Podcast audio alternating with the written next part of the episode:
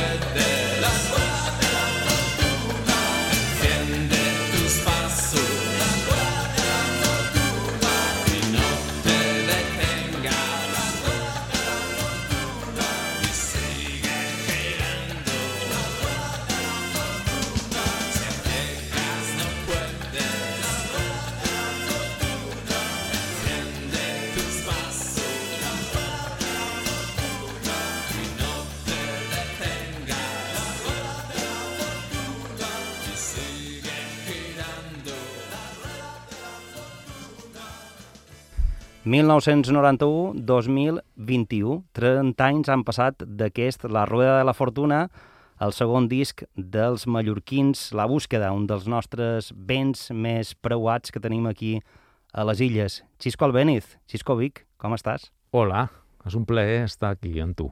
30 anys, Xerrant. És increïble. qui hauria dit? Com passes temps, eh? I quin canvi, eh? El món ha... De deies meu predir que el món havia conegut el principi i la fi del món, no? Sí? I, i estan parlant dels darrers coletazos des d'any 80, de la moguda, i de repente ara ja ens situam a l'any 2021 aquí, amb una situació, bueno, apassionant, no?, de com funciona el món, de les seves tensions i la postmodernitat, o sigui, és un canvi increïble. A més d'és que eren les darreres cotjades de, de mm, la movida i la búsqueda s'intentava mm, fer-se un lloc o intentar trobar un forat no? en aquella estètica que dominava en aquell moment Sí, i que avui en aquest col·leccionable precisament en, en, en xerrarem. No sé com t'imaginaves que seria la búsqueda si la búsqueda existiria 30 anys després. Ostres, pues és increïble, no? Perquè, clar, nosaltres no, ha- no han canviat el estil, no? Nosaltres mm. tenim unes hem, se- han sigut fiels a les arrels, inclús, a vegades, han, han fet, han tornat a les arrels, no? Eh, quan nosaltres vam gravar els discos Los Penitentes, vàrem tornar una altra vegada en aquella època, perquè en, en Essenci, aquest grup de tres amics que van muntar la búsqueda pues, tenia una filosofia que mai ha abandonat, no? Però, clar, jo no m'imaginava com podria ser el futur, no? A nivell estètic, de les modes, de les músiques que s'escoltarien avui en dia, no? I, curiosament, m'he trobat que hi ha moltes músiques des d'anys 60 i 70 que han tornat, no? Ha hagut un, un cert revivalisme i després, bueno, hi ha les músiques electròniques, que això sí que ha canviat el, el món musical.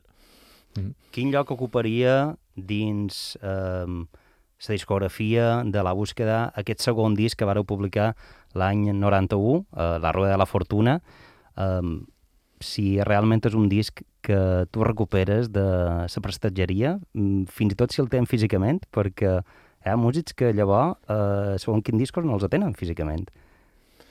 És A cert, Sant Autors.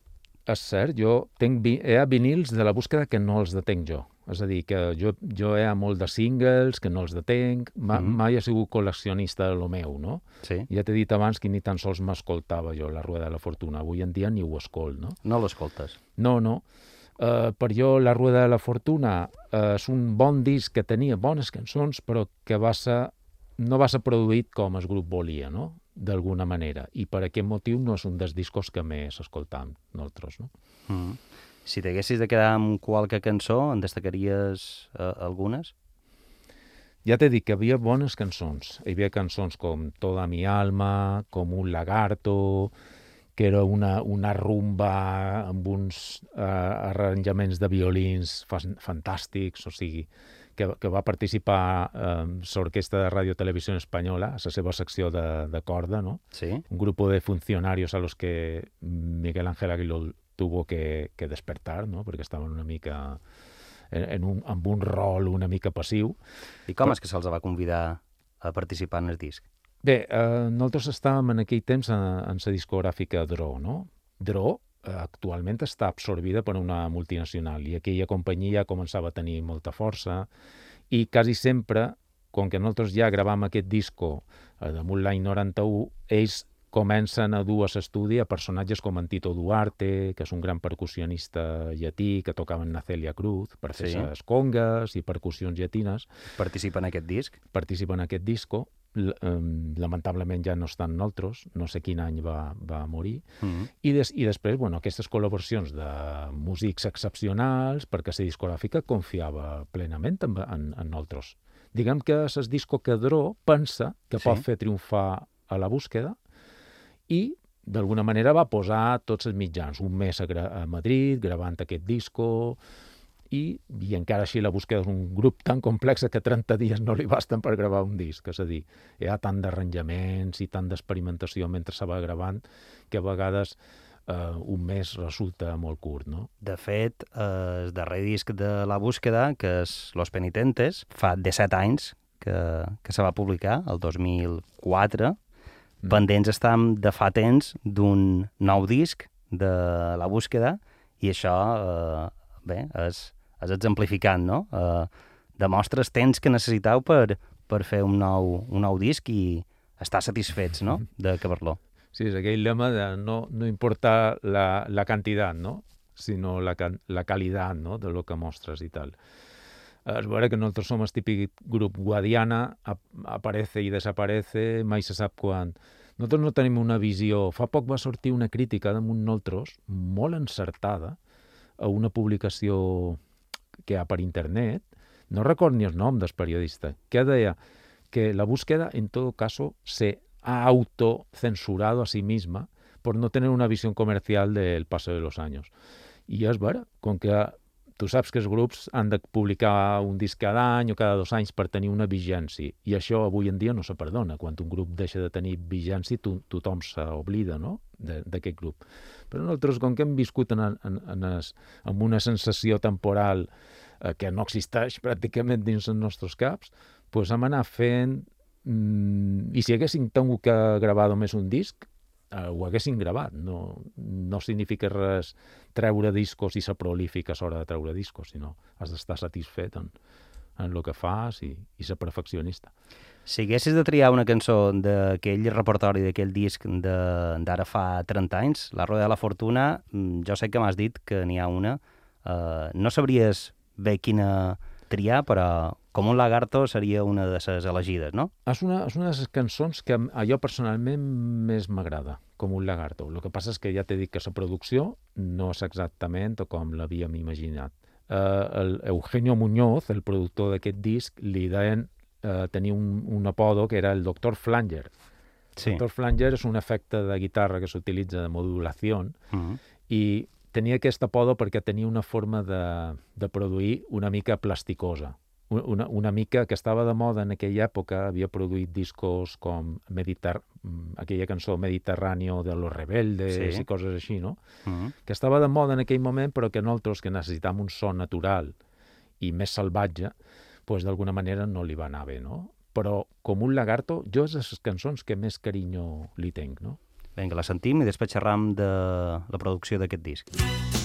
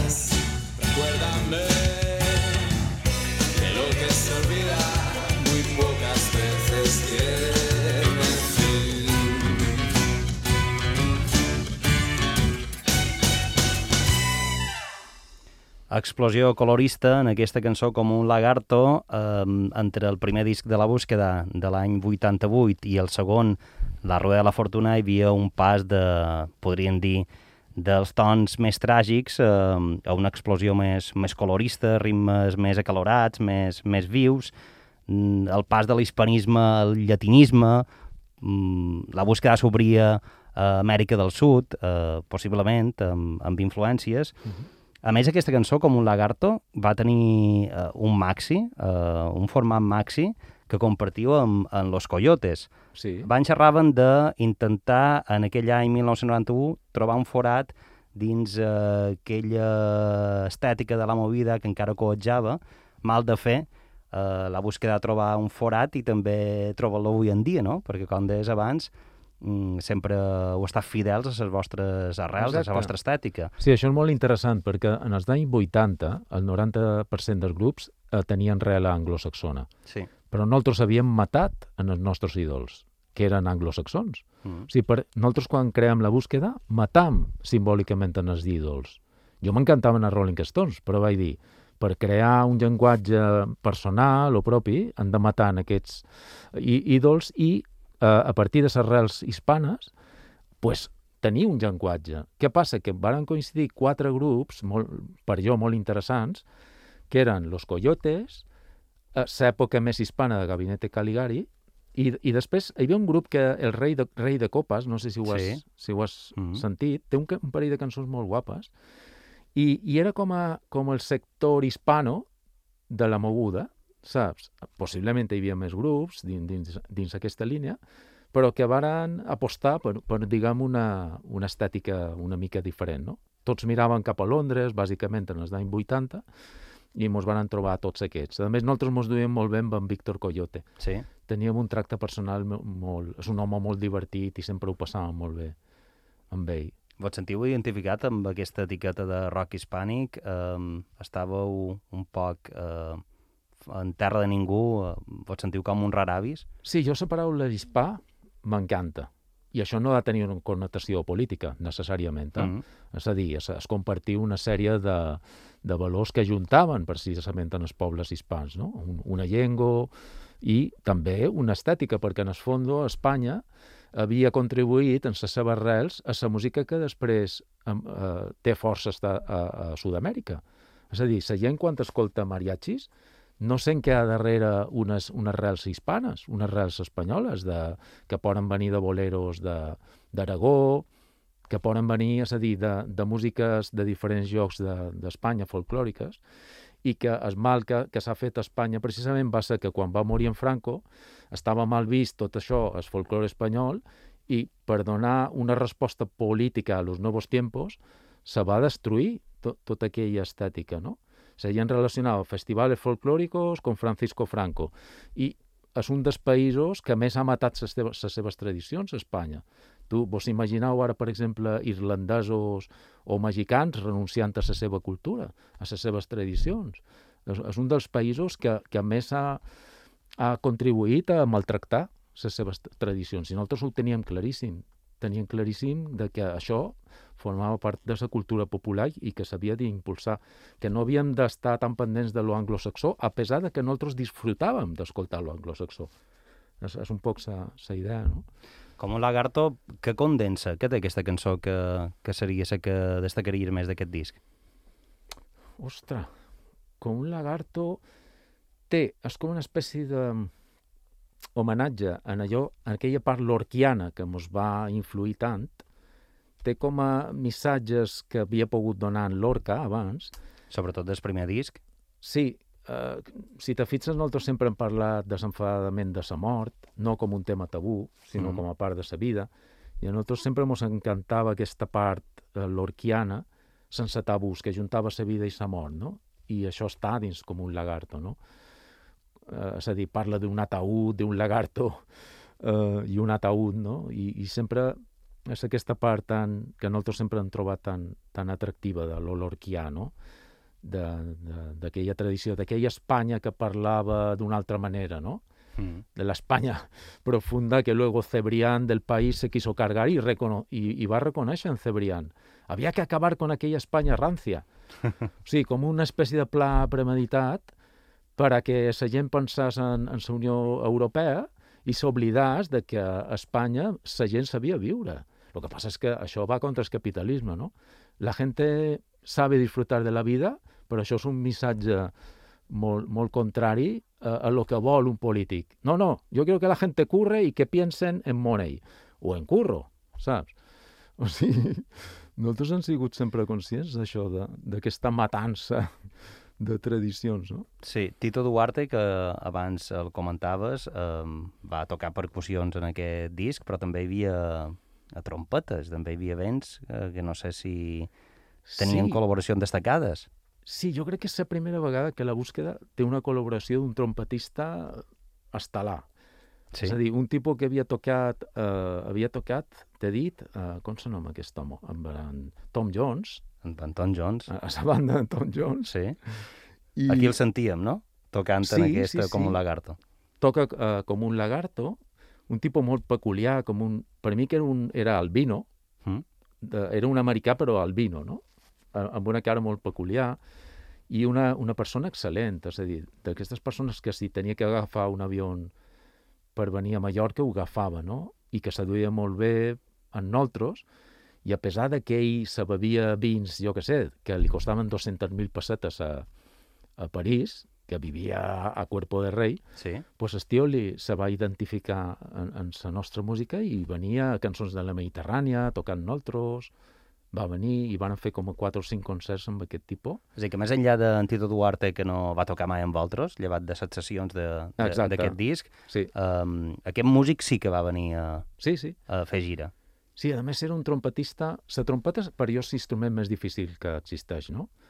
Perquè és un instrument molt intern i, i que uh, cansa molt el llavi, és a dir, i que depèn de l'afinació interna que tu tens, no? I el tio tenia una afinació perfecta, a vibratava tipus a l'estil mariachi, Mm? i era un plaer tocar amb ell. Perquè nosaltres havíem tingut trompetistes més de banda, no? Més de, de bandes d'aquí de Mallorca, que tocaven més plans, i, i aquell home sabia tocar jazz, sabia donar força, tocava com a, amb un sentit, sentit de big band i també tocava com un mariachi, no? Mm. M'ha escoltat la teva, com un lagarto. Vols que escoltem una de les meves preferides d'aquest disc? Sí, Vinga, toda mi alma.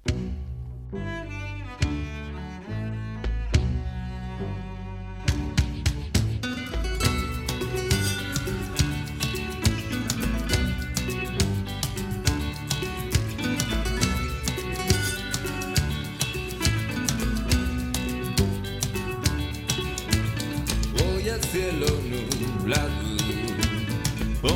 mis ojos blancos, entre mis hombros vuelan toda mi alma y toda mi pena. Yo para darles vida sueño con tus quejidos, entre mis hombros vuelan toda mi alma y toda mi pena.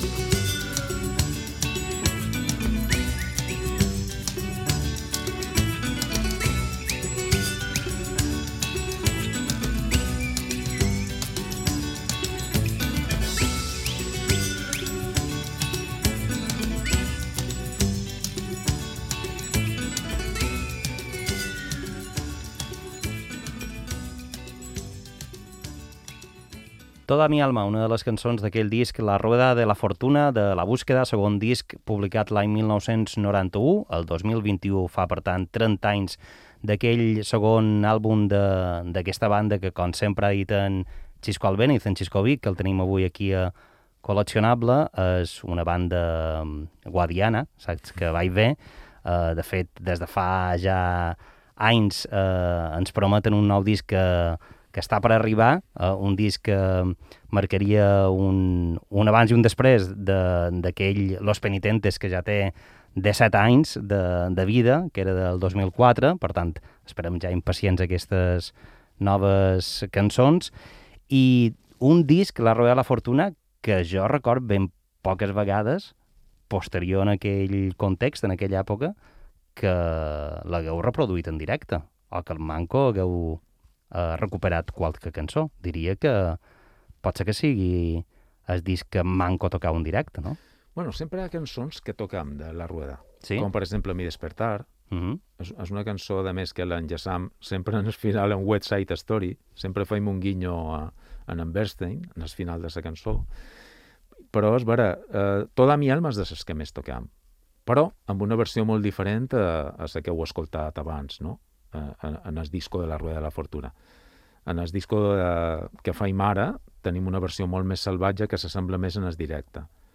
I eh, s'assembla més a lo que haguéssim fet nosaltres a l'hora de produir aquell, aquell disc, no?, de la Rueda de la Fortuna.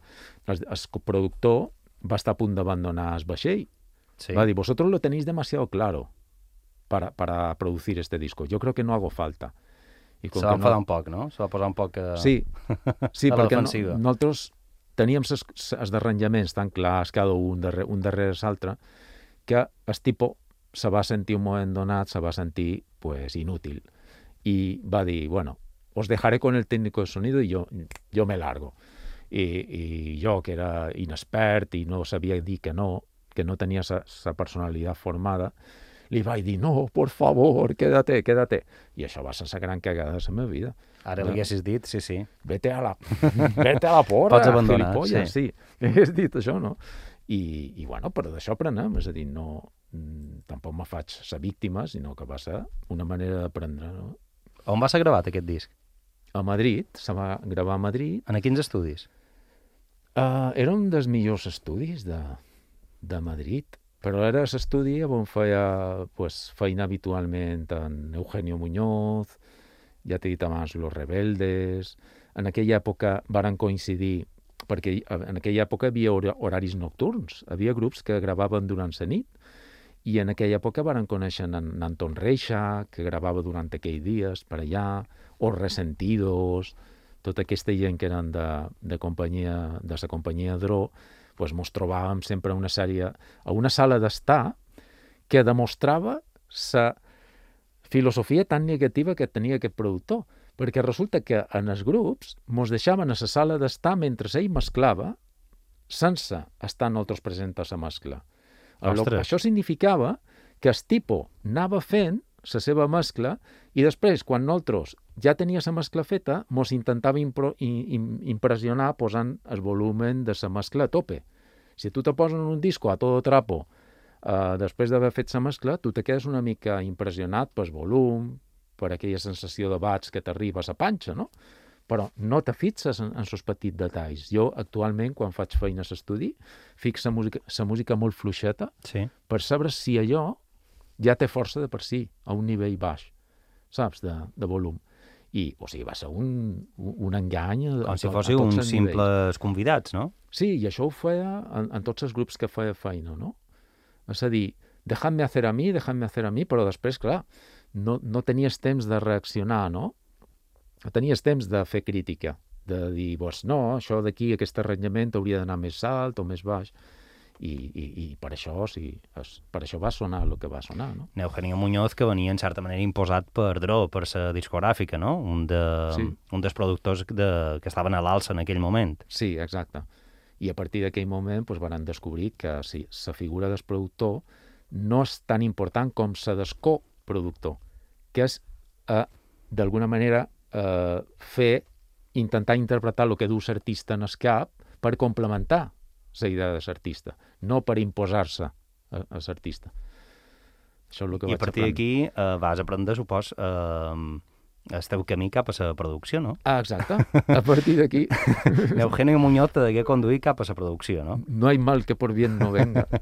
Sí, sí. De fet, eh, tenim per comparar, perquè podem comparar eh, Toda mi alma de La Rueda de la Fortuna, així com sonava en aquest vinil fa eh, 30 anys, així com va quedar plasmat en aquest disc, i la versió que feis eh, actualment en aquests darrers anys i que precisament eh, és una de, de les cançons que aniran en aquest pròxim disc de, de la búsqueda. Exacte. Sí, sí, La- que teniu la prova de, de com treballem ara i com haguéssim pogut treballar abans, no? però l'important és lo que és l'actualitat, no? és present. No? I doncs sentit Toda mi alma de l'any 91, ja sentim Toda mi alma del 2021, encara que aquesta versió està gravada quan? Aquesta versió s'ha gravat eh, durant el darrer any o dos darrers anys i, i, i a vegades, eh, quan tinc mo- moments... Per exemple, ara he gravat un slide, una guitarra Sí. slide, eh, en aquesta versió que escoltareu no està aquesta, vers- aquest arranjament de, de slide, no? Però a la versió del disco sí que trobareu a lo millor petits detalls que no estiran en aquesta versió, no? I de venga, la sentim.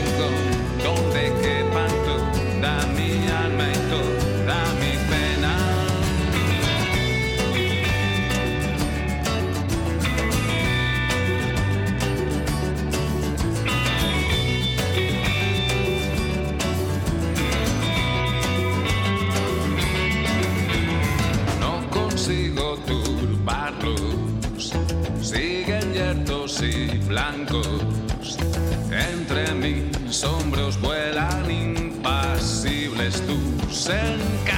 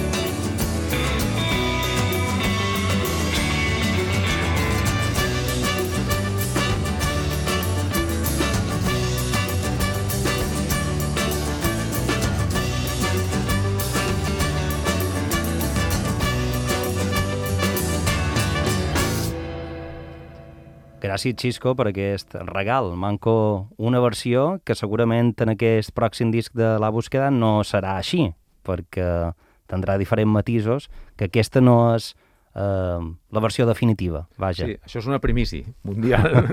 o sigui, això és la primera vegada... bueno, la segona vegada perquè IB3 Ràdio tenia una cançó instrumental, no sé si era en Joan Trias, que Sí. li vaig passar una, una versió silvada, no? Mm. Nostra. I, I aquesta cançó pot, tindrà petites diferències. Hi ha uns coros de Naranja Andreu, que no Sí. surten en aquesta versió que heu escoltat, però més o manco ja té un aire més semblant a el que feim en directe, no? Mm. A diferència de, de la versió de Toda mi alma, de la Rueda de la Fortuna, que és més plastificada, més, saps, com a més... Mm, per jo no és tan, tan autèntica, no?, com, com aquesta. Aquesta demostra més una mica el que és el grup en directe. Mm. Jo diria que potser eh, Toda mi alma de La Rueda de la Fortuna sona més eh, plastificada, com dius, i té potser més percussions, però sona menys orgànica. Sí. Aquesta sona molt més orgànica, Ah, exacte. més autèntica. Sí, més tribal, també. Sí. Sí més salvatge, més... Sí, sí. Mm.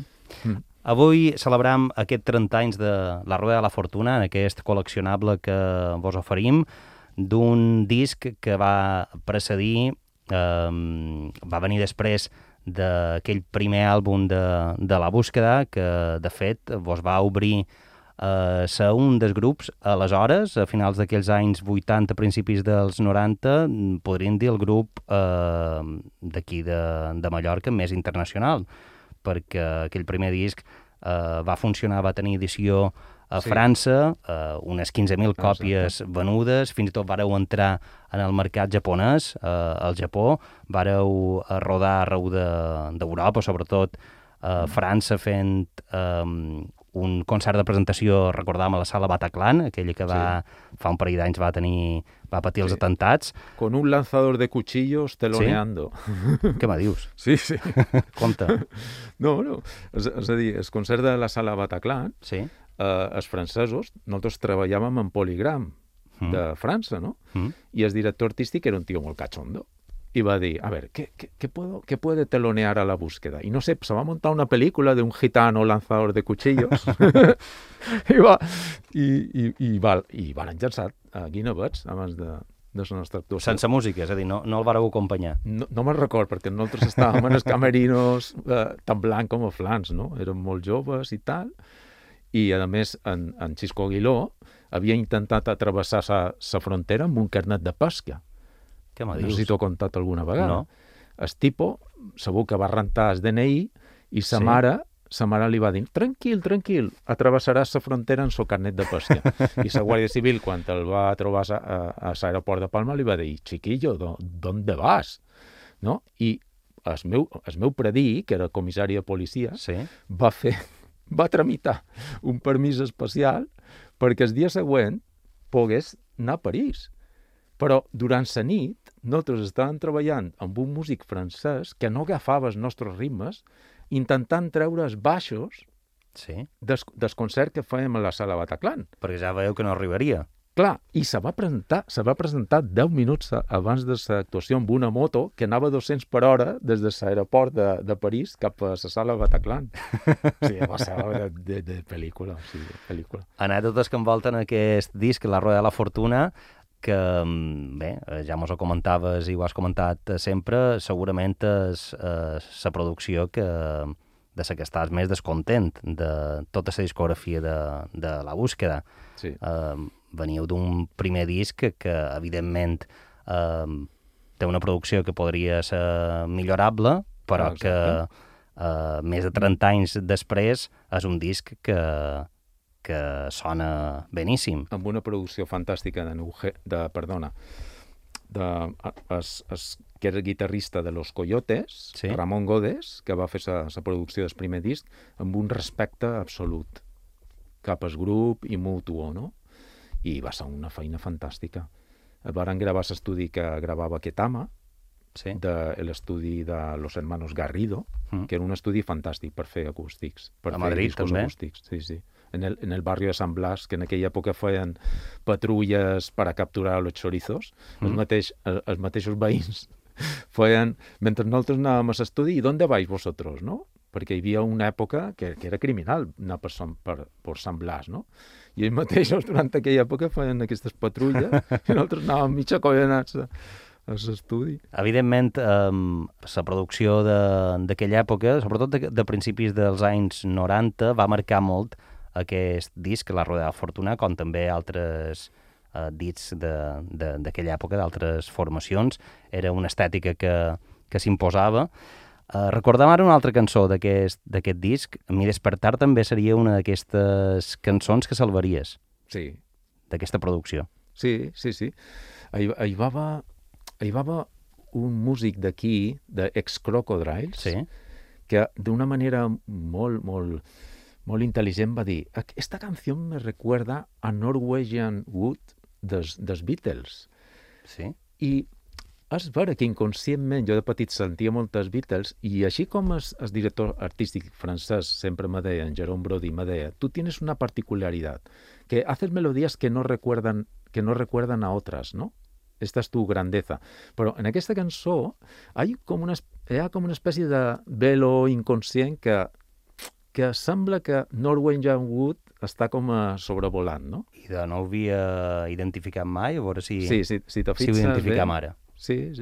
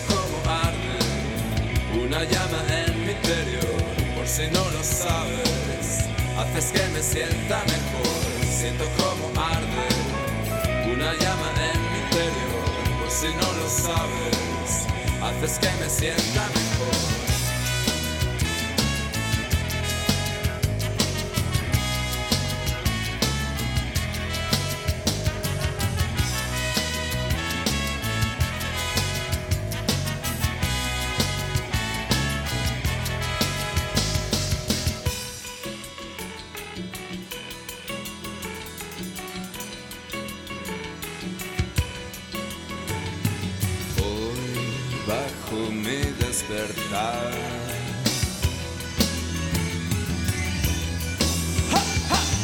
Siento como arde una llama en mi interior, por si no lo sabes, haces que me sienta mejor. Siento como arde una llama en mi interior, por si no lo sabes, haces que me sienta mejor. Siento como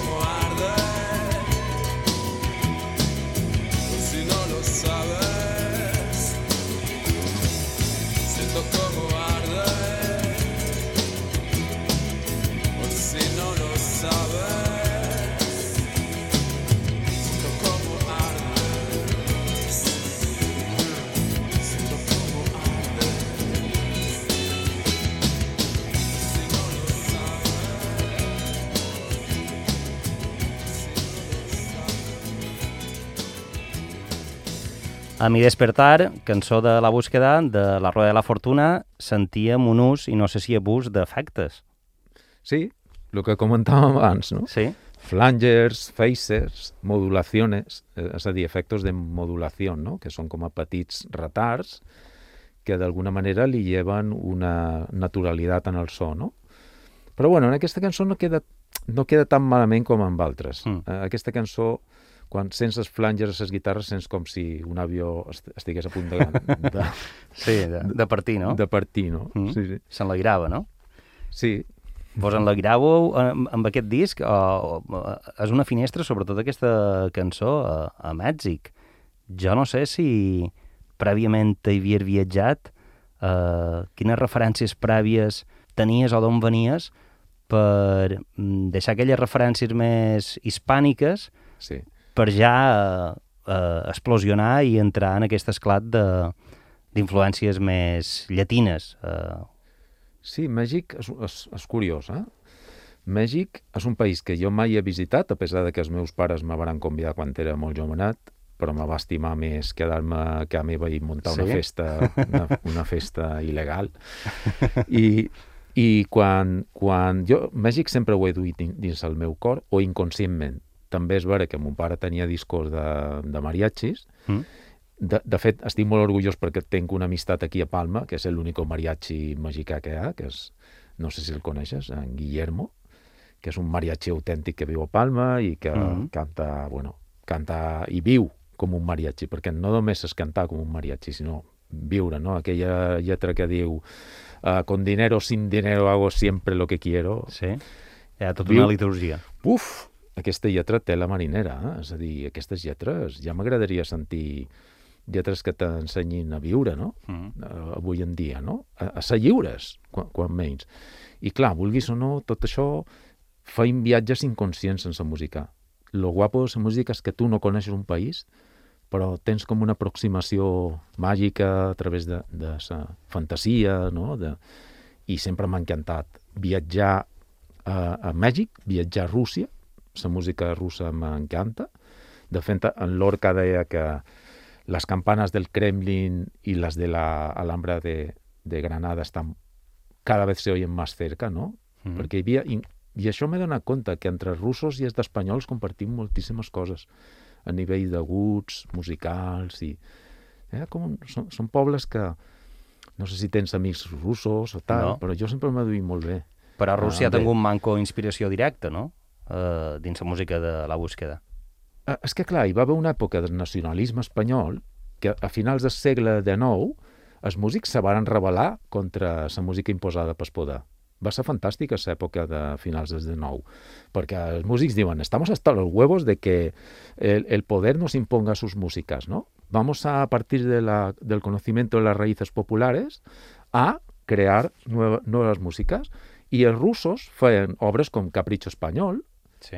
i eh, en Ravel, en Ravel Mhm. feia obres pensant en Espanya i nosaltres fèiem obres també a vegades pensant en altres països. I, i lo guapo dels nacionalismes que te permetia viatjar pues, a través de la imaginació a, a altres cultures i, i fer mestissatge, no? fer una connexió mestissa. Mm.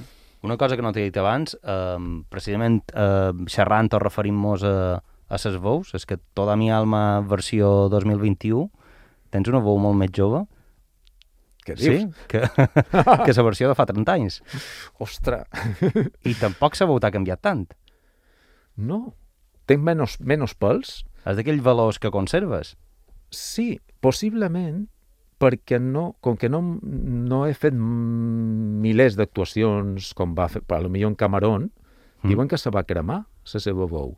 De tant d'actuar, se va cremar la seva pròpia veu. Si tu estàs cada dia actuant un club i a damunt, a damunt antigament fumaven, imagina, rebies el fum, te bevies quatre copes i arribaves a casa teva, bueno, en les cordes vocals fetes pols, no?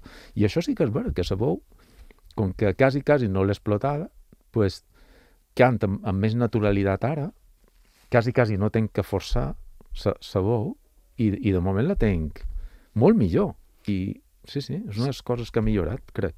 Les veus de la Roda de la Fortuna fa 30 anys que vares gravar mm, en un dia, només. Només vas tenir... La sessió de veus va ser d'un dia. No te donaven més hores. Espanya és diferent. uh, això només passa a Espanya. És a dir, si aquesta producció se fa a Anglaterra o a un estudi americà, el productor li dedica una setmana a les veus. Per què? Perquè la veu és el que arriba en el públic, és el que... Eh, és el sentiment, no? És lo emocional que arriba en el públic. I, I si tu a un grup li dius, no, no, cha- chavales, os queda el último día para grabar las voces y los coros, los coros ¿no? I tu, però, però, què fas? Tens una pressió extra que estàs cantant d'alguna manera eh, com si te posessis un taxímetro allà, no? Com si passen les hores, te queda cada vegada menys temps. A més, la veu necessita un, un relax, necessita a lo millor que tu cantis un, una hora, dues i després descansar un poc, no? I, i vàrem estar tot el dia ficant veus i tal, en lo qual en aquell disco no li pots donar tota l'expressivitat i tota la tranquil·litat que ha de tenir. Mm. Fins on va arribar aquest La Roda de la Fortuna? Perquè van comentar que aquell primer disc va tenir projecció a França, se va introduir dins el mercat eh, japonès, va obrir la búsqueda de noves fronteres. No sé si amb aquesta explosió de llatinisme i de, de colorisme que tenia aquest disc mirant cap a Amèrica del Sud, se pensava també en aquell mercat. No sé si, si va poder accedir, si va arribar, però tot i així, després, en s'impàs entre aquest segon disc i el Psicolatin, la búsqueda ja començaria eh, fet seu propi camí cap a la naturalesa que té actualment i conserva des de fa, des de fa anys, que és aquesta autonomia, aquesta independència, Sí. aquest funcionar així com eh, mm. voleu, no?, amb vida pròpia. Realment va ser el primer disc que va tenir més repercussió internacional. El primer disc va ser editat a Mèxic, eh, a un celler que se deia Lejos del, para, del Paraíso. Sí? Eh, de fet, hi ha un grup de gent que mos inclueix en les enciclopèdies del rock progressivo a Mèxic, a, a, arrel d'això, gent de Mèxic Mm. que, mos, que mos segueix a partir d'aquest fet, i després, eh, havies parlat tu del grup internacional més conegut, però realment el grup més internacional conegut havia estat Euterpe, Euterpe, sí, segons sí. tenc entès, Mm que crec que van arribar a vendre 100.000 discos eh, a l'estranger. -hmm. És a dir, la búsqueda a França millor va vendre 15.000 i Espanya a lo millor va vendre 2.000 o 3.000, en la qual vàrem tenir més concerts a França que no, que no a Espanya. Mm. Però Euterpe, segons tenc entès, en, en el mercat anglosaxó, Sí? eh, va vendre centenars de milers de, de discos i només per un mal enteniment entre ells aquesta carrera no va arribar molt més enllà. Eh? Euterpe i la búsqueda que podrien anar de, de la mà, no? No desencaixaríeu gens dins una... si s'hagués pogut produir dins una gira conjunta, no? De presentació Sí, de, perquè de música feta aquí a Mallorca. sí, hi havia unes rels folks Mm. darrere d'Euterpe i, i de la búsqueda. Sí, pot ser que a nivell filosòfic hagués coincidències entre, entre un i l'altre. És a dir, que s'hagués pogut projectar aquesta, aquesta gira, aquesta projecció, no? Però Sí. estàvem parlant, evidentment, de finals dels anys 80, principis dels, dels 90. Clar, Euterpe, doncs, no sé quin any va començar Euterpe, Anterior. però sí, Mm. devia, que devia ser anys 60, finals de 60-70, Sí. per any, Mm, no? Sí, sí, sí. Sí. Carmencita és un d'aquests altres títols que també volen destacar de- d'aquest disc. Per què? Que, que recordes d'aquesta cançó? Bé, Carmencita està inspirada amb aquella fotografia que surt a Especias Carmencita. Mm No sé si te'n sí, recordes, sí, no? Sí, Sortia una lota morena amb un capell cordobès Sí. i hi ha una, una imatge molt guapa en, en blanc i negre, no? Que va inspirar d'alguna manera aquesta cançó, no? sí. I, I per què? Per, per cap anècdota concreta? Que... No, era una, era una reflexió estètica. Simplement mm. aquella foto era una foto tan guapa, no? Amb aquell capell eh, tan, tan guapo, negre, com a de vellut, i me vaig enamorar d'aquesta estampa, d'aquesta estampa de la foto, i el més graciós és que moltes carmes se sentien al·ludides, no? Mm, altres carmes que podrien ser amigues meves, ah, aquesta cançó me l'has feta jo. Jo, no, no, no, jo, jo aquesta, car aquesta Carmencita està dedicada a, a la xica, a la foto de, de les espècies.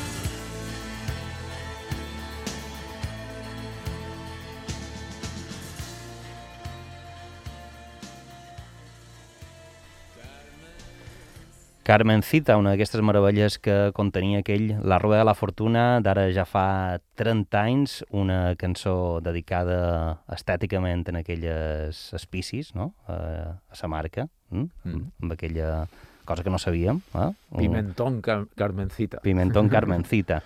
D'un disc que sí que tenia... Era una època en què comercialment se traiem molt de singles, fins i tot d'un mateix disc podien arribar a sortir més de quatre singles. Recordam d'aquest disc La Rueda de la Fortuna, eh, Mi Despertar com a single, però també recordam Volver, una de, Sí. com un lagarto també, i Mm. Volver. Volver, sí. cançó que, mm, que pot ser que fos dels singles més, més sonats. Sí, va ser... Me'n record que, que lo, los 40 insoportables, Sí, que jo te diré que en aquella època jo um, vos vaig conèixer per aquest disc. Jo devia tenir uns 13-14 anys, sí. l'any 91. Mm. Per tant, eh, vos vaig conèixer amb Volver i Com un lagarto i Mi despertar. Aquesta va ser Exacte. la meva entrada a la búsqueda, una entrada Sí. comercial. És un fallo comercial de Dro. és un fallo comercial de Dro, perquè és la cançó que menys representa l'ànima de la búsqueda. Sí. Però ells pensaven que era més aferradissa, aquesta cançó, més pop, no? I, i van decidir pues, treure aquest single, que no tenia res a veure amb la filosofia de, del grup, però que tenia eh, una història molt guapa darrere, que era que aquí a Palma van conèixer a una banda militar del Frente Saharaui, Sí. que varen interpretar unes cançons eh, aquí a unes places de Palma, Uh -huh. I nosaltres ens vàrem enamorar d'una melodia que fèiem mm, una cançó que composada pel director de la banda militar Sí. del Frente Saharaui, que de militar no tenia res, perquè era un guitarrista i, i quatre o cinc dones molt guapes, Mhm. amb túniques, i, i que cantaven, feien coros, no? I, I aquesta cançó mos va agradar tant que li van demanar permís per, per versionar-la, Uh -huh. i, i els tipus tan, en- van ser tan encantadors que no tan sols no van posar cap pega, sinó que no varen voler eh, cobrar res a canvi, és a dir, no volien ni, ni, ni royalties, ni drets, ni drets d'autor. L'únic que volien e- és que ficàssim l'autoria en el disco, Uh -huh. que explicàssim molt bé que aquesta cançó se titulava originalment Flor que riego con mi sangre de el grupo Amel, que es la banda militar del, del ejército saharaui, que no hay que imaginarse una banda militar con Sí. sombreros de militar, ni militares tocando una banda, no? Sino que era un, un grupo un grup molt artístic. Mm. Mm. Història que s'amaga o que hi ha darrere aquesta cançó Volver, que no escoltarem, que qui vulgui, evidentment, aquest disc és més extens, i després d'haver escoltat aquest col·leccionable dedicat a la Roda de la Fortuna, eh, qui vulgui el pot escoltar. Dic que no, que no l'escoltarem perquè pot ser que sigui d'aquestes cançons que, que tu més disgust tens o que t'agrada menys de Sí. tot el disc. És a dir, li ten carinyo a la melodia Sí? i ten carinyo a l'experiència d'haver gravat un videoclip en Anton Reixa, Uh -huh. que ja t'he comentat abans que quasi incendiar el plató de televisió. Com va ser això? Això va ser per, per, perquè varen recrear foc, Sí. sí. hi havia unes danses amb, una, amb unes foganyes, amb unes con unes hogueres i Sí. tal, i a l'hora d'intentar crear un foc eh, real, varen omplir el plató de fum. I, i varen tenir Recordam que... aquest vídeo, de fet, crec Sí. que uh, d'aquest és el primer vídeo que jo vaig veure també de la búsqueda. Exacte. I Mm. mm. tothom va sortir per pates i vàrem estar dues hores interrompint a, a la gravació del videoclip per culpa de fum. del I fum. darrere aquest videoclip hi havia Anton Reixa de Dos Resentidos, Ah, exacte. mm, sí, que eres sí. creador d'aquest videoclip. Sí, sí, a ell li encantava la cançó i, i, varen fer un... vàrem entablar una amistat també guapa amb, aqu amb aquest home. Sí, Mm. sí. Xisco, moltes gràcies per haver passat per aquest col·leccionable, per anar desgranant un poc aquest, aquest 30 anys de la Roda de la Fortuna. Fins i tot eh, t'agraïm que mos hagis eh, duit una nova versió d'una de les cançons que més ens agraden, Toda mi alma, ja anticipant aquest eh, pròxim disc de, de la búsqueda, que esperem que sigui aviat. Gràcies a tu, eh, de veres, de tot cor. Hmm.